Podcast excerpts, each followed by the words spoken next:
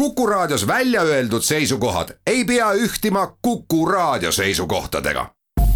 Te kuulate Kuku Raadiot.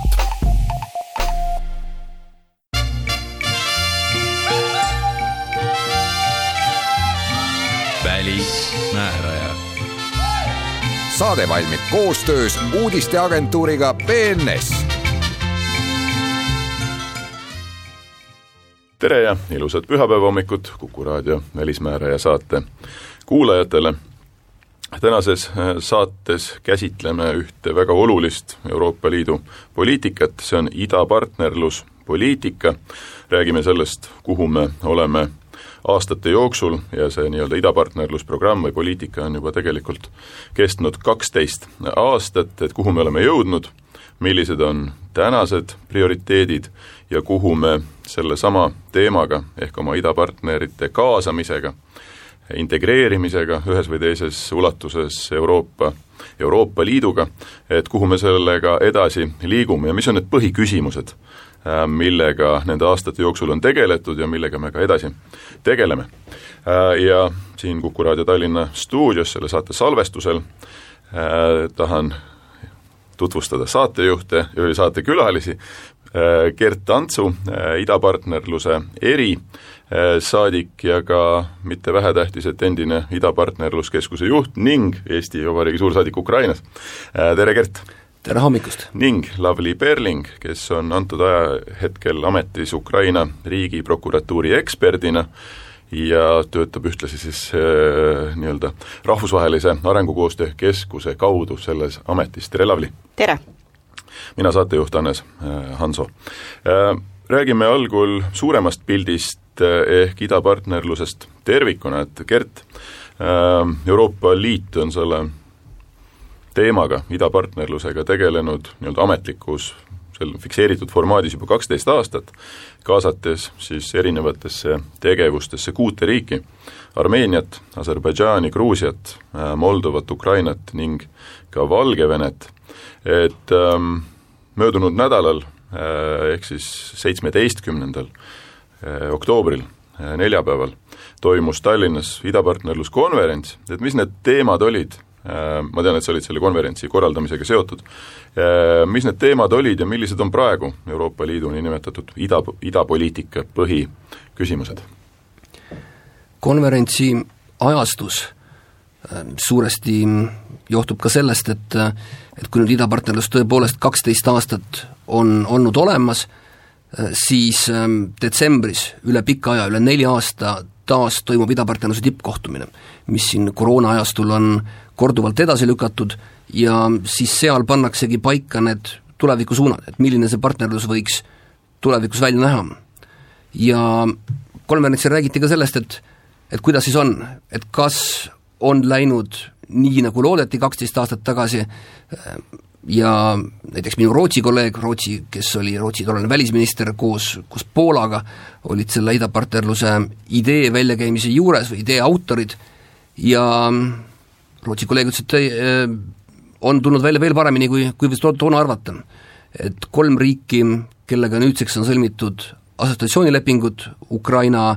Moldova, Gruusia, on ikkagi tulnud Euroopa Liidule lähemale. reaalne integratsioon selles tähenduses, et ähm, riikides toimuvad reformid, ähm, Euroopa Liidu osatähtsus kaubanduspartnerina on mitmekordistunud, ähm, viiakse oma seadusi kooskõlla Euroopa Liidu omadega, ehk siis need riigid täna on rohkem euroopalikud, kui nad olid varem. palju on veel teha, aga siiski selline käegakasutav tulemus on olemas. ja tuleviku vaates eks tuleb seda kõike edasi teha, Euroopa Liit endiselt aitab reforme, riigid peavad ise oma reformidega pingutama ja mm,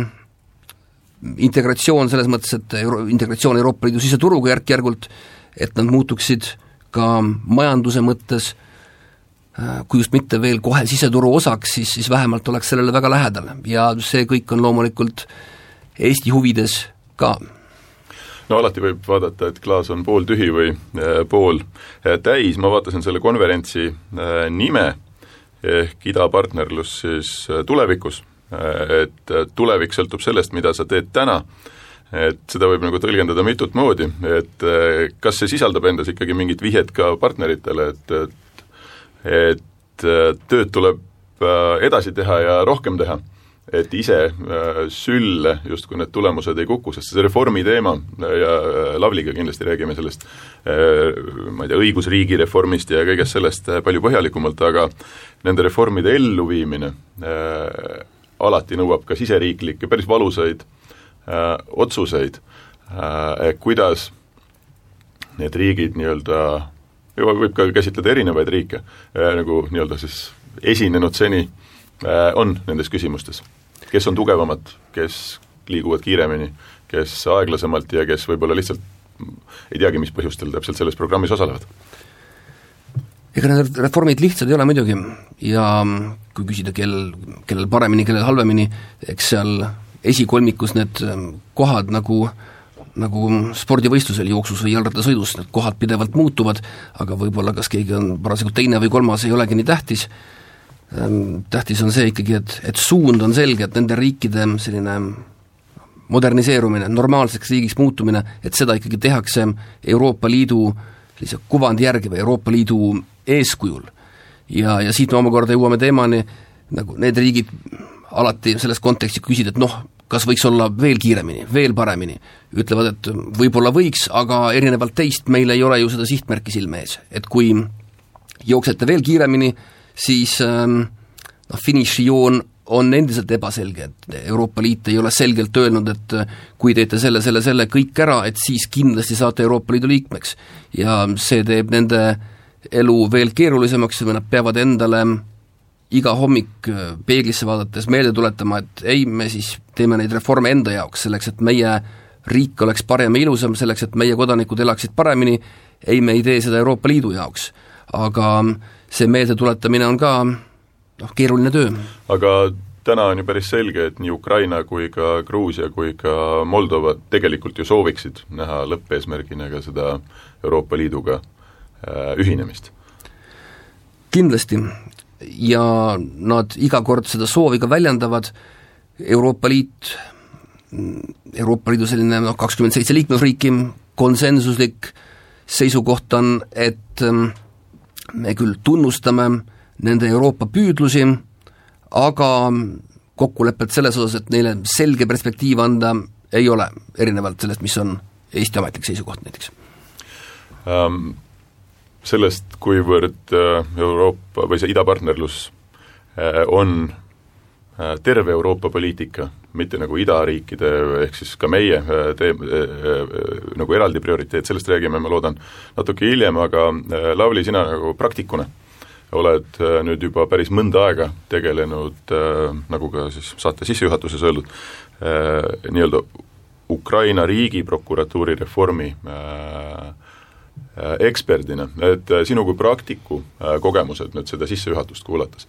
et ähm, selline suur riik nagu Ukraina, eks, nagu see tööpõld võrreldes ma ei tea, ka Eesti läbis kõik need reformid kunagi, on üüratu. et ähm, kuidas see haakub, nagu see, see selline teoreetiline arusaam, et me peame midagi tegema, selget eesmärki lõpus ei ole, et kuidas see nendes tingimustes on võimalik noh, nagu väga suuri ja ma arvan, ka keerulisi muudatusi äh, Äh, esile kutsuda? hästi lihtne vastus oleks see, et et kui me ei suuda neile näidata seda sihti, et siin on Euroopa Liidu liikmelisus, siis see, mida me saame teha, on rääkida sellest väärtusruumist, mida ma usun, et nad järjest rohkem on meiega valmis jagama. ja kindlasti üks nendest väärtustest, mida me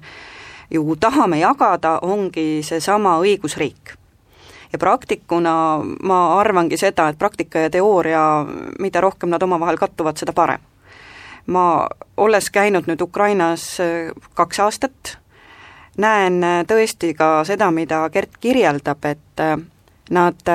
räägivad üha rohkem sellest, et nad tahavad olla Euroopa osa.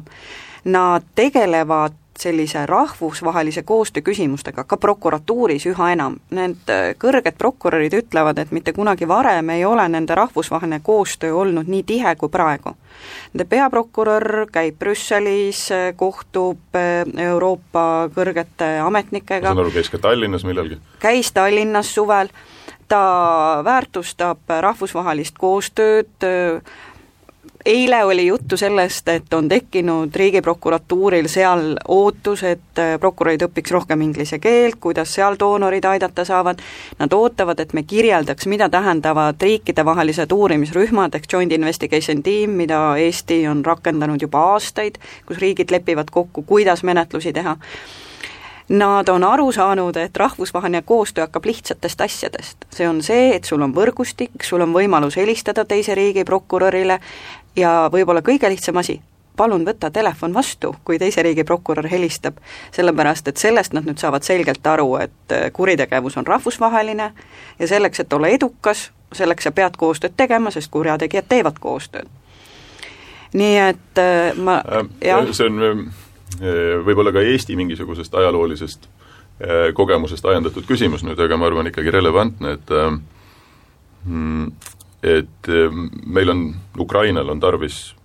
noh, jõuda mingites küsimustes kuhugi nagu saavutada eh, mingisugused asjad, et, et ülejäänud koostöö Euroopa Liiduga ja kaasa arvatud eh, siis selline nagu majanduslik tugi või, või muud lepingud, mis on Ukraina jaoks olulised, töötaksid, et kuivõrd siis sinu tunnetus on, et kas nagu Ukraina ka sellises väga tundlikus valdkonnas, ma arvan, nagu õigusemõistmine või õigusriik, eh, prokuratuur ja, ja kõik see, kas nad nagu päriselt tahavad seda abi ja sisulist äh, nii-öelda nõu äh, või siis on olukord, kus nagu noh, nad on olukorras, kus nad nagu peavad vajama ja peavad vastu võtma välist nõuabi, et lihtsalt olla ühes paadis ja nagu, et, et muud asjad toimiksid, et nad teevad nagu pigem natukene nägu, et noh, arutame, räägime, teeme, aga sisulist soovi äh, ei ole märgata. kui me paneme korraks kuulaja jaoks kõrvuti Eesti-Ukraina, Eesti rahvastik üks koma kolm miljonit, Ukrainal nelikümmend miljonit, Eestil prokuröre sada kuuskümmend midagi, Ukrainal umbes kümme tuhat. Eestil äh, menetlusi, menetlusi kogu aeg pooleli umbes kümme tuhat, Ukrainas miljon. ja nüüd see küsimus, et mida tahab Ukraina?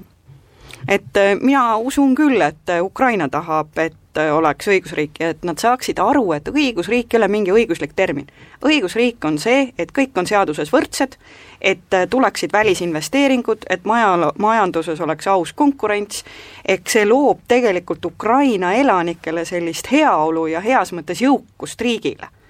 et see on põhjus, miks tuleb korruptsiooniga võidelda, kas nad saavad sellest aru, jah, saavad, aga mida ma olen kahe aasta jooksul näinud, on see, et Ukraina on vastuolude riik mis puudutab äh, õigusriiki. et see on äh, hästi huvitav, et kui sa kohtud Ukrainas kõrgete prokuröridega, nad ütlevad jah, kui räägid inimestega tänaval,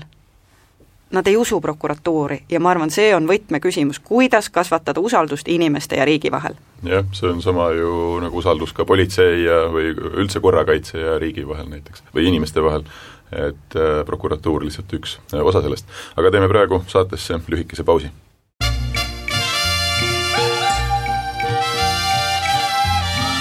välismääraja.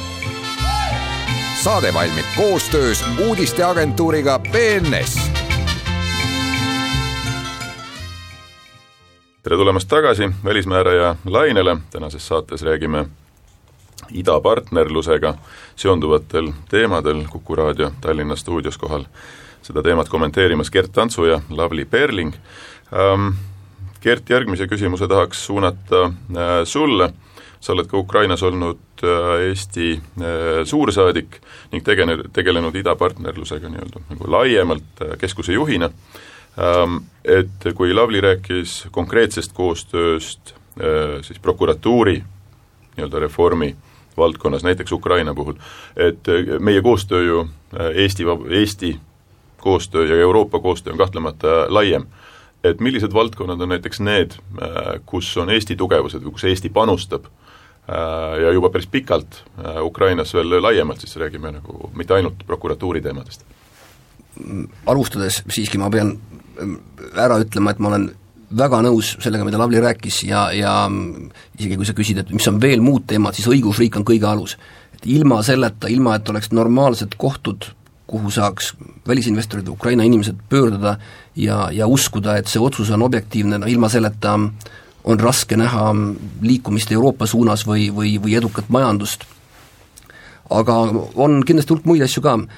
et üks asi, millega Ukraina ise vaeva näeb ja tegelikult teised idapartnerluse riigid ka, on see, mida sellise moodsa sõnaga nimetatakse kerksus, ehk siis ähm, riigi selline vastupanuvõime, äh, selgroog, äh, suutlikkus saada hakkama probleemidega, mis tulevad kas väljastpoolt või, või riigi enda seest, noh jällegi, selle koha peal veel uuesti peab mainima õigusriiki, et tegelikult see, et riik oleks sisemiselt tugev, ähm, kõige tähtsam on siin usaldus oma riigi vastu ja usaldus tuleb sellest samast ähm, õigusriigist ja, ja riigi tunnetatavast neutraalsusest, aususest. aga kõikvõimalikud muud julgeolekuteemad, näiteks äh, üks äh, konverentsi keskseid teemasid, äh, võitlus ähm, desinformatsiooni vastu, tänapäeva koroona-ajastul loomulikult igasuguseid ähm, müüte, valeinfot ringleb eriti palju ja, ja tekib ka äh, muudes kohtades, aga siiski Venemaalt tulev valeinfo voog on, on võimas ja, ja pidev ja selle vastu võitlemisel meie saame jagada oma kogemusi, Ukraina saab jagada oma kogemusi meiega, küberrünnakute ennetamine, nende tagajärgedega tegelemine, mis on nii meile kui Ukrainale huvipakkuv teema ja kus meil on omajagu kogemusi mõlemal poolel, ajakirjanike koolitus, et meediaruum saaks objektiivsemaks, sõltumatumaks, et need on asjad, mis aitavad riigi tugevust kindlasti parandada. kui äh, läheme teemaga natukene äh, edasi, et äh, ennem saate sissejuhatuses nimetasin, et Euroopa Liidul on nagu nii-öelda kuus ametlikku idapartnerit, et tõmbaks korra laiemaks selle teema jälle siis tegelikult äh, Valgevene võimude ametlik või noh, täna Valgevenes võimul olevate, oleva režiimi, kutsume siis seda ausalt, äh, joon on, et äh, see suhe on äh, ma ei tea, kas lõpetatud või külmutatud, et Euroopa Liit on äh, siis nende hinnangul, Lukašenka režiimi hinnangul Valgevene suhtes äh, vaenulik, vaenulikult meelestatud, ent Äh, formaalselt justkui Euroopa poolt me seda suhet lõpetanud ei ole, et, et kuidas seda äh, komplitseeritud ja me ei tunnista ka siis Lukašenkat ametliku presidendina, sest et valimised olid selgelt võltsitud äh, Valgevenes, et, et ähm, kuida-, kuidas seda, seda keerulist vastuolu praegu lahendada, et, et kellega me siis Valgevenes selle programmi alusel või nii-öelda Euroopa poolt vaadates üldse edasi suhtleme, et kas meie nagu teeme neid tegevusi Minskis kuidagi edasi või hoopiski teeme valgevenelastega kusagil mujal, et et äh, kuidas see on lahendatud? on keeruline olukord tõepoolest ja lihtsaid lahendusi ei ole, Lukašenka režiimiga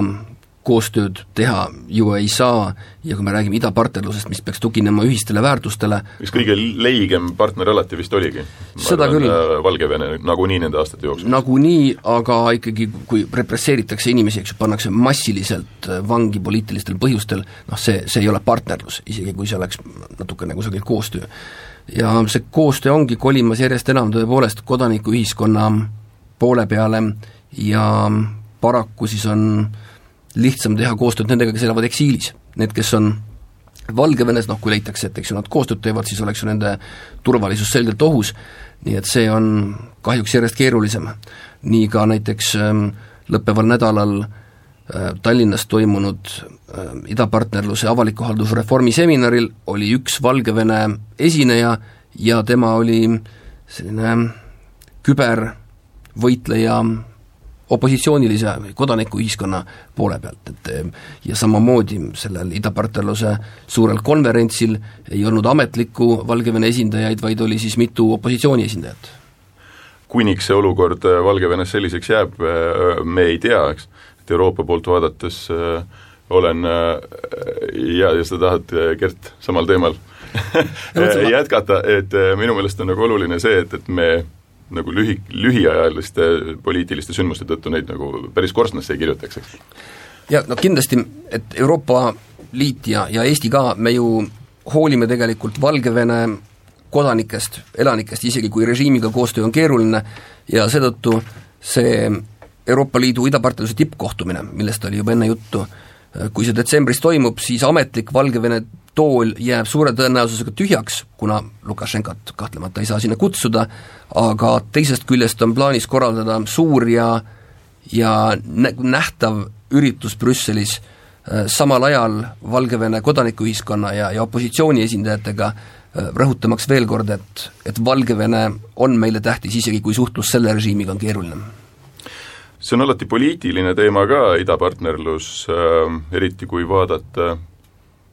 näiteks äh, meie idanaabri Venemaa äh, seisukohalt, ehk siis äh, Venemaa alati kahtlustab, et, et kõik see on üles ehitatud kuidagi selleks, et nende mõju, mõjusfääri kahandada, vähendada kuidagi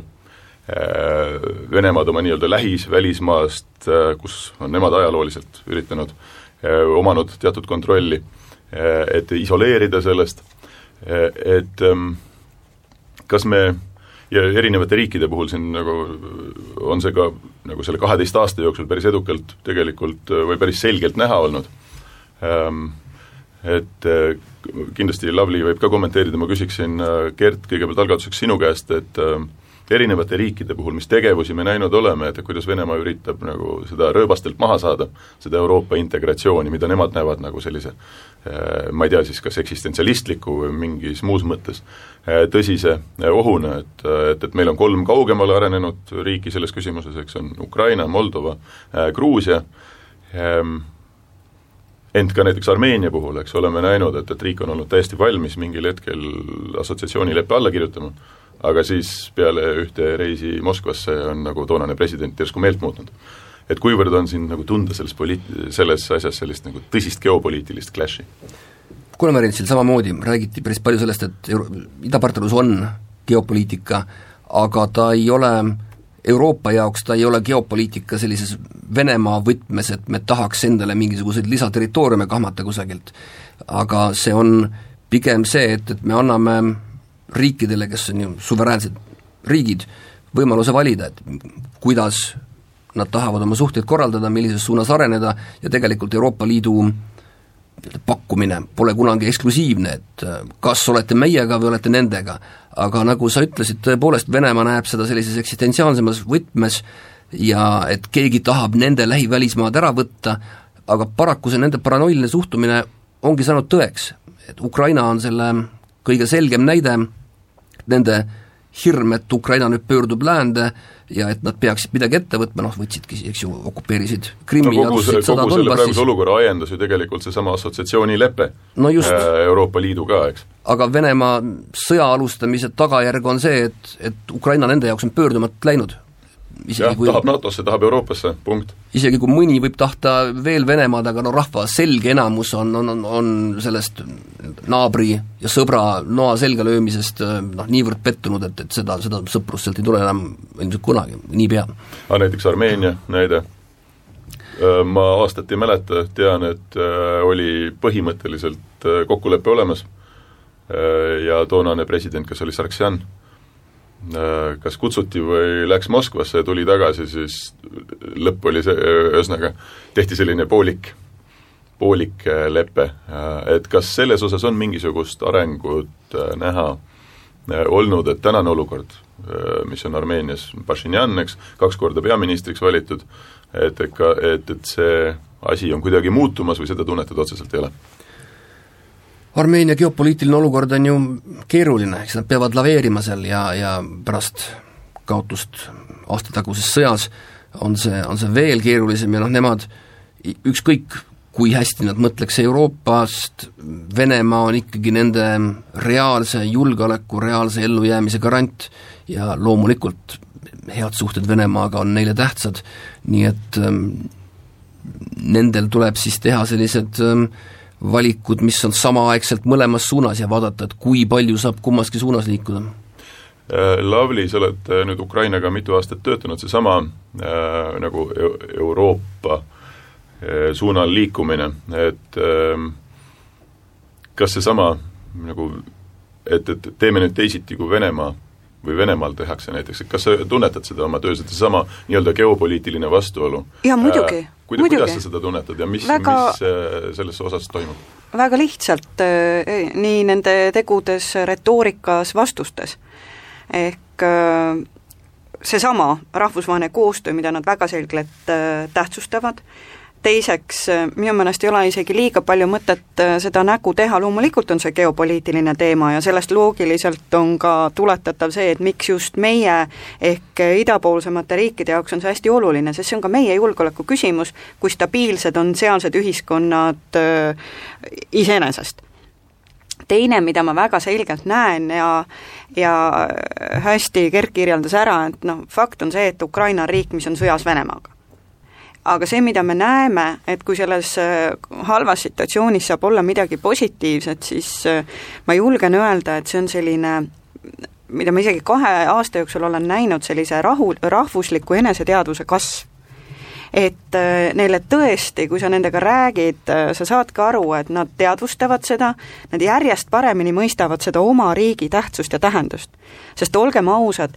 ja nüüd me jõuame õigusriigini, et, et äh, mis asi see õigusriik siis nagu on ja jälle me jõuame selleni, et meie teed on olnud üheksakümne esimesest väga erinevad. ja üks põhiline erinevus ongi olnud ilmselt see, et meil ei ole olnud puutumatuid see on Ukraina ja Ukraina, Ukraina oligarhide teema.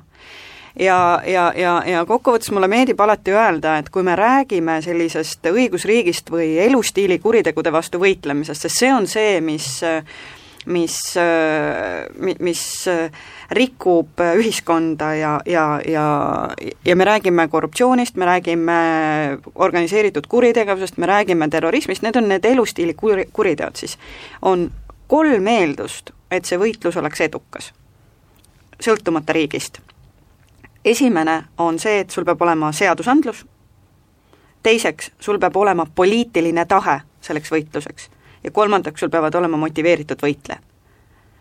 ja, ja, ja, ja nende just nimelt idapartnerluse riikidega rääkides äh, ei ole saladus, et eks sealt on igast asjast vajaka aga nüüd on ka küsimus, et missuguse meelsuse või hoiakuga me sinna läheme, et kui me läheme ja ütleme neile, et te oletegi lootusetud, ei siit saa asja midagi enam, no siis nii on.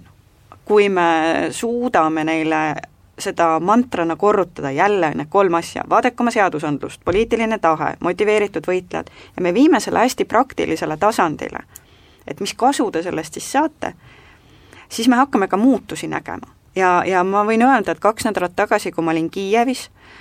me tegime ühe siseuuringu, vastajaid oli seitse tuhat. tulemus oli see, et väga suur hulk prokuröre ütles, et nad tahavad teenida oma riiki, oma inimesi, nad tahavad võidelda kurjusega ja neil on väga kurb, et väga paljud peavad neid korruptantideks. mina ei ole kohtumõistja, ma ei ole tõendeid näinud aga fakt on see, mida me teha saame, on näidata neile lihtsaid asju. no usalduse tekitamine võtabki väga palju aega. ja see ongi aeg, aga et eh, samas ma nägin nende nägusid, kui võeti vastu oligarhide vastane seadus.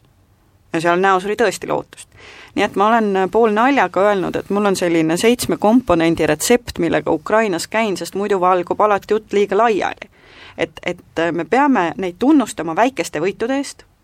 me peame aitama neil kogu aeg prioriteete hoida, me peame selle õigusriigi sellise keerulise teoreetilise jutu viima hästi lihtsale tasandile.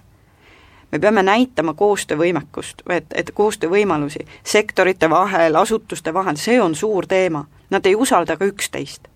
et sellepärast me näit-, kutsume neid Eestisse, näidame siin, kuidas kõik see töötab ja toimib. väga praktilised tööriistad ja lõpetuseks lihtsalt austus nende vastu sest üks ebameeldiv noh, näide, et meil ei ole mõtet öelda, et me oleme siin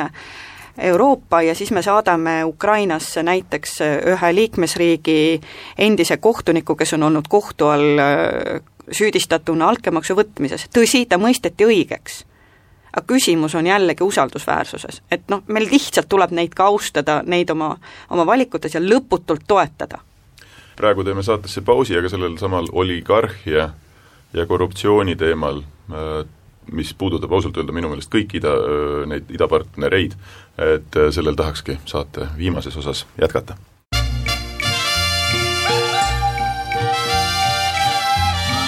välismääraja. saade valmib koostöös uudisteagentuuriga BNS. tere tulemast tagasi Välismääraja äh, saatesse, täna räägime idapartnerluse teemadel, ajendatuna just Eestis toimunud vastavasisulisest äh, konverentsist. Ähm, jäi jutt pooleli oligarhide äh, koha peal et kui ma mõtlen nii-öelda nende kuue idapartneri peale, äh, siis võib-olla ainuke riik Valgevene, kus nagu otseselt selliseid domineerivaid oligarhe noh, domineeriv oligarh on, ma arvan, siis president Lukašenka ise äh,, aga igal pool mujal on nende reformide reformide elluviimisel ikka väga suureks takistuseks kellegi konkreetsed äh, eramajanduslikud huvid on võimalik olnud või on võimalik täna osta seadusi, õigust, pannes siis enda huvid äh, üle, ülespoole äh, riiklikest äh, huvidest, noh, Ukraina, oligarhide riik, Moldova, me kõik teame neid kuulsaid oligarhe, Armeenia kahtlemata, Gruusia, noh, ma võib-olla Aserbaidžaan natuke kat-, läheb sinnasamasse valdkonda nagu Valgevene, minu peas vähemalt, et ka nagu riigi poliitiline juhtkond ongi see oligarhia. aga Gert, kõigepealt võib-olla küsiksin sinu käest, aga Lavly siis praktilise poole pealt ja võib-olla tuleb mõni teine riik veel peale Ukraina siin mängu, et kui suur takistus see reformide elluviimisel on, keegi on lihtsalt tugevam ja suurem kui riik. kuidas seda murda, sest et teoreetiliselt, ma arvan, saavad kõik aru, seda peaks tegema, praktikas paganama raske ülesanne? on väga raske, tõepoolest. ja kui vahel küsitakse, et et kui mitu aastat Ukraina või Gruusia või mõni muu riik on Eestist taga näiteks oma, oma reformides, et siis ju mõne koha peal tekib kiusatus öelda, et meil on, me tegime selle või teise asja ära seal kakskümmend kaheksa aastat tagasi näiteks,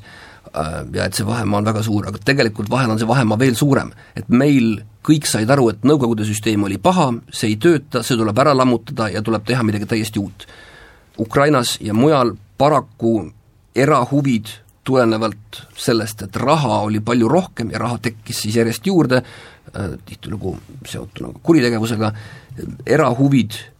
võtsid selle riigi selles mõttes üle, et oligarhid tõepoolest äh, kontrollisidki seda riiki. ja noh, kus on muna, kus kana, on muidugi ka raske öelda, et äh, ühel hiljutisel konverentsil Kiievis üks kuulus Rootsi analüütik ütles, et oligarh tähendab inimest, kellel on suutlikkus kaitsta oma omandit riigi vastu, mis on ju ka õigem, et sul on siis piisavalt palju raha, piisavalt palju juriste, et, et sinu ettevõtet ei saa üleöö näiteks äh, kellegi teise nimele registreerida, kuna sul on suutlikkus anda vastulööki. Ähm, et võib-olla tõesti rasketes oludes oligi paratamatu ellujäämiseks äh, väiksemat sorti oligarhiks kujuneda, aga kahjuks suurema pildina see on reformidele tõesti suureks takistuseks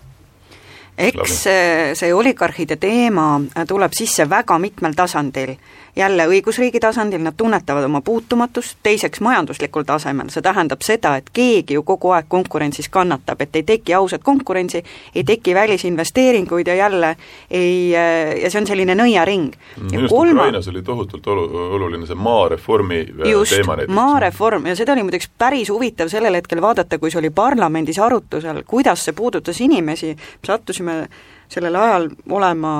äkki Gert sinuga koos Kiievis, kuidas oli näha, kuidas inimesed kogunesid hotelli fuajeesse seda seaduse vastuvõtmist vaatama. et see oli nagu päris huvitav, et see läheb korda neile, kuidas nende riigil läheb, see on ju hea märk. aga kolmas, mida ma tahtsin hoopis puudutada, on kommunikatsioon, mis on seotud oligarhidega. ja see on tõsine teema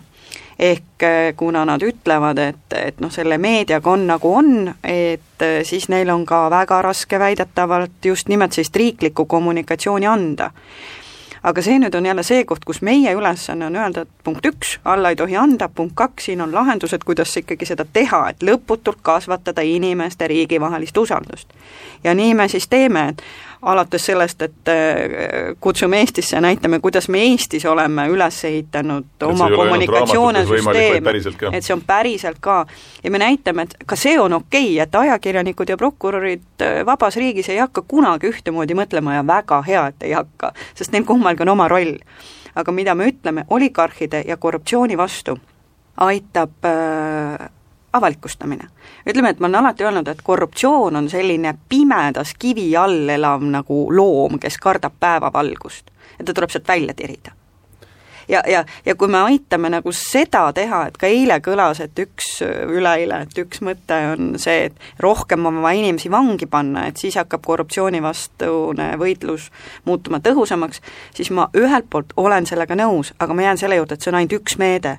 tegelikult hakkab siit ülevalt peast see mõte peale ja see tähendab tugevamaid sisekontrolle ja see tähendab seda, et need, kes töötavad, ise on ausad ja, ja see on kõige alus. kuidas seda hästi selgelt teha, on see, et julmalt, mõnes mõttes julmalt öeldagi, kui ei ole seda läbipaistvust ja ausust, sa ei saa töötada õigussüsteemis. pigem võtad noore,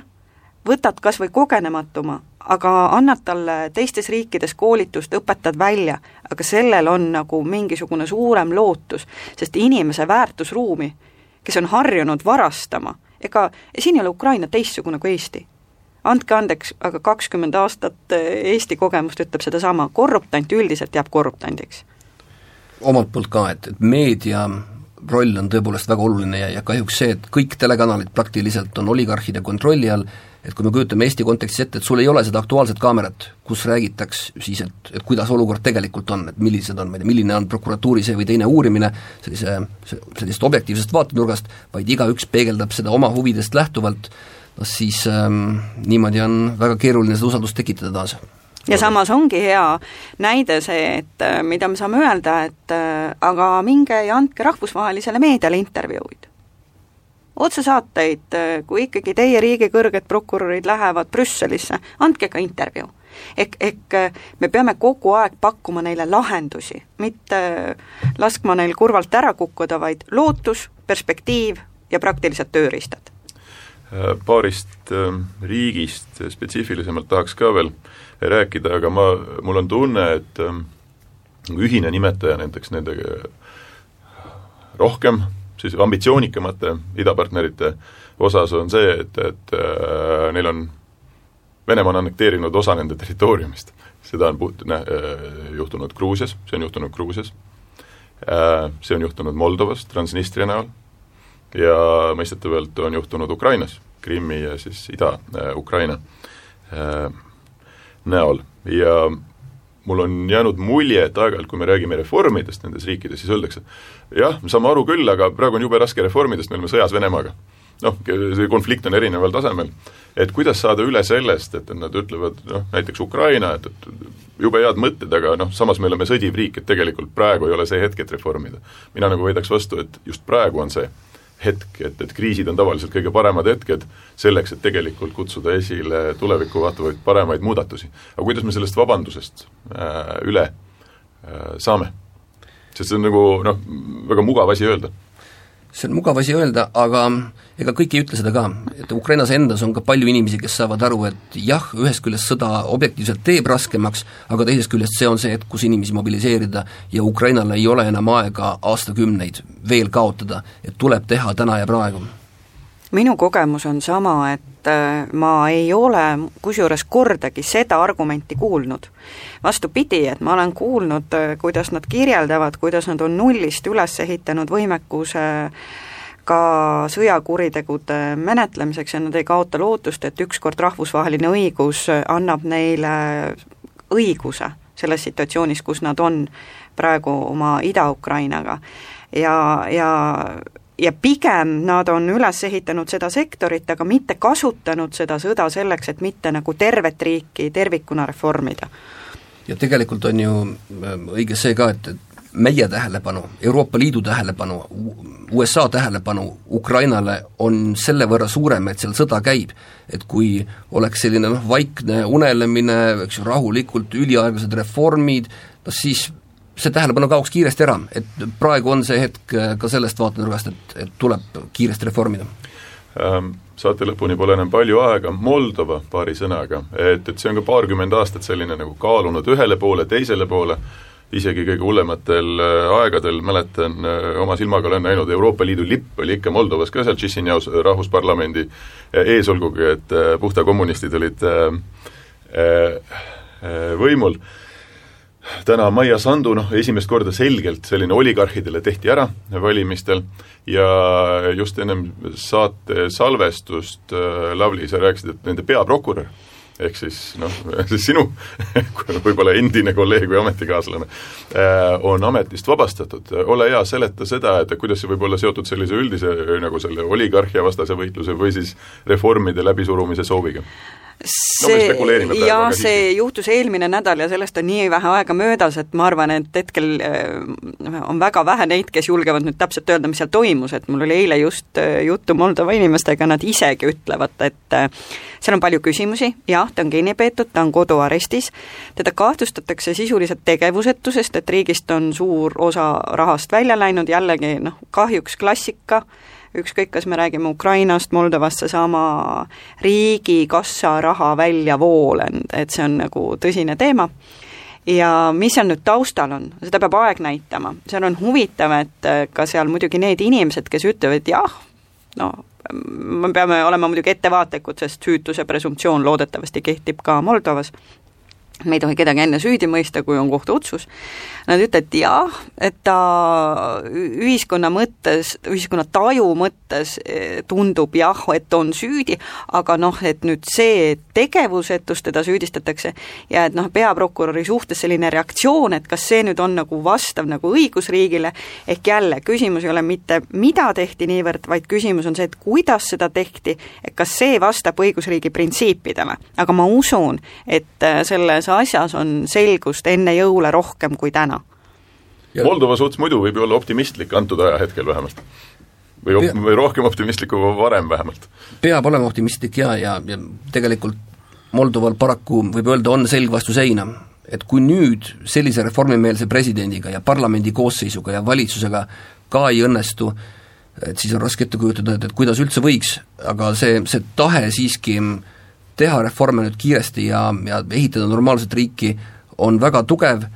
ja noh, miks on see võib-olla teistsugune natukene kui Ukrainas see olukord neil, et Moldova on ikkagi väike riik, võrreldav Eestiga, ja väga-väga paljud inimesed on riigist lahkunud, läinud välismaale tööle ja tegelikult juba noortel inimestel kindlasti ülikooli ja pärast seda tööle on noh, kellel, kellel, kellel vähegi võimalust on, on, on soov minna välismaale ja eriti ei mõelda selle peale, et tagasi tulla. ja riigi praeguse juhtkonna ülesanne ongi see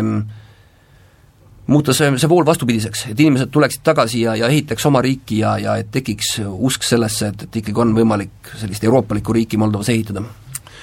Ähm, saate lõpetuseks tahaks küsida sellise laiema äh, küsimuse, et ähm, no idapartnerlus mõistetavalt meie vaatest siin on nagu ülioluline, isegi eksistentsialistlikult oluline, et, et see meie naabruskond siin äh, oleks mõistlik, normaalne, konstruktiivne partner, omaks sama väärtusruumi, majandusruumi, kõike seda, no need algsed eesmärgid tegelikult äh,. Poliitiline integratsioon ja kõik see ja no meie vaatest ka väga selgelt, meie oleme ju riigina välja öelnud, ma ei tea, mitmeid sadu kordi, et meie tahaksime näha, et lõpuks oleks tunneli lõpus ka valgus, finišijoon, et, need riigid saaksid Euroopa Liidu ja mõistetavalt ka NATO äh, liikmeks. aga kuidas teha nii, et, et, et äh, kakskümmend seitse Euroopa riiki, kes on oma nagu geograafilistelt eel-, geograafiliselt asukohalt ja ja nii edasi, ka mentaalselt ilmselgelt nagu nendest idapartneritest kaugemal, et see muutuks selliseks nagu veel tugevamaks ühiseks poliitikaks, et see ühine nimetaja nihkuks sinna, kus me saaksime näidata, et tööd teete, finišijoon on seal ja te saate sellest ka kunagi üle tulla minu meelest kõlas konverentsil hea ettepanek, et äh, just nimelt äh, neile riikidele endile, et äh, meie teame ja meie toetame teid niikuinii, aga minge rääkige nendega ka, kes on skeptilised. et mida rohkem te räägite nendega, ja seda, seda suurem on tõenäosus, et tekib see valgus tunneli lõppu, et nad ise peavad tööd tegema. Ja teine ilmselt lahendus on see, et nad peavad näitama tulemusi Nad peavad näitama niimoodi tulemusi, et see on nendele ülejäänutele, kes on natuke skeptilised või palju skeptilised, ka arusaadav. diplomaatia. eks jah, mentaalselt paljud Lääne-Euroopas veel seedivad eelmise laienemise tulemusi, ehkki sellest on sõna juba... on olemas suisa ju see enlargement fatigue või laienemisväsimus, jah? jaa, no ehkki tegelikult ju meie liitumisest on möödas nüüd seitseteist aastat, et äh, võiks olla ära selgitud. Balkanil on hiljem ka ühinetud, aga jah, aga noh, pisikese võitu Horvaatia, et, et see ju võrreldes terve Euroopa Liiduga, et see ei, ei tohiks ka nii hirmus olla, tõepoolest, nad, need riigid, Ukraina, Gruusia, kõik teised, peavad näitama reaalseid tulemusi ja kui on, eks ju, olemas normaalne õigusriik, normaalne euroopalik riik, siis on lihtsam ka veenda skeptikuid, et, et tuleks anda perspektiiv saada Euroopa Liidu liikmeks. Äh, vist võib siis kokku võtta nii, et äh, võitlus parema Euroopa nimel käib edasi. aga suur tänu siia ähm, Kuku raadio saatesse välismäärajasse tulemast, Gert Antsu ja Lavly Perling, mina saatejuht Anne Sanso ning tund vähem kui nädala pärast arvatavasti uute teemadega siin Kuku raadio lainel. kõigile raadiokuulajatele soovin ilusat pühapäeva jätku!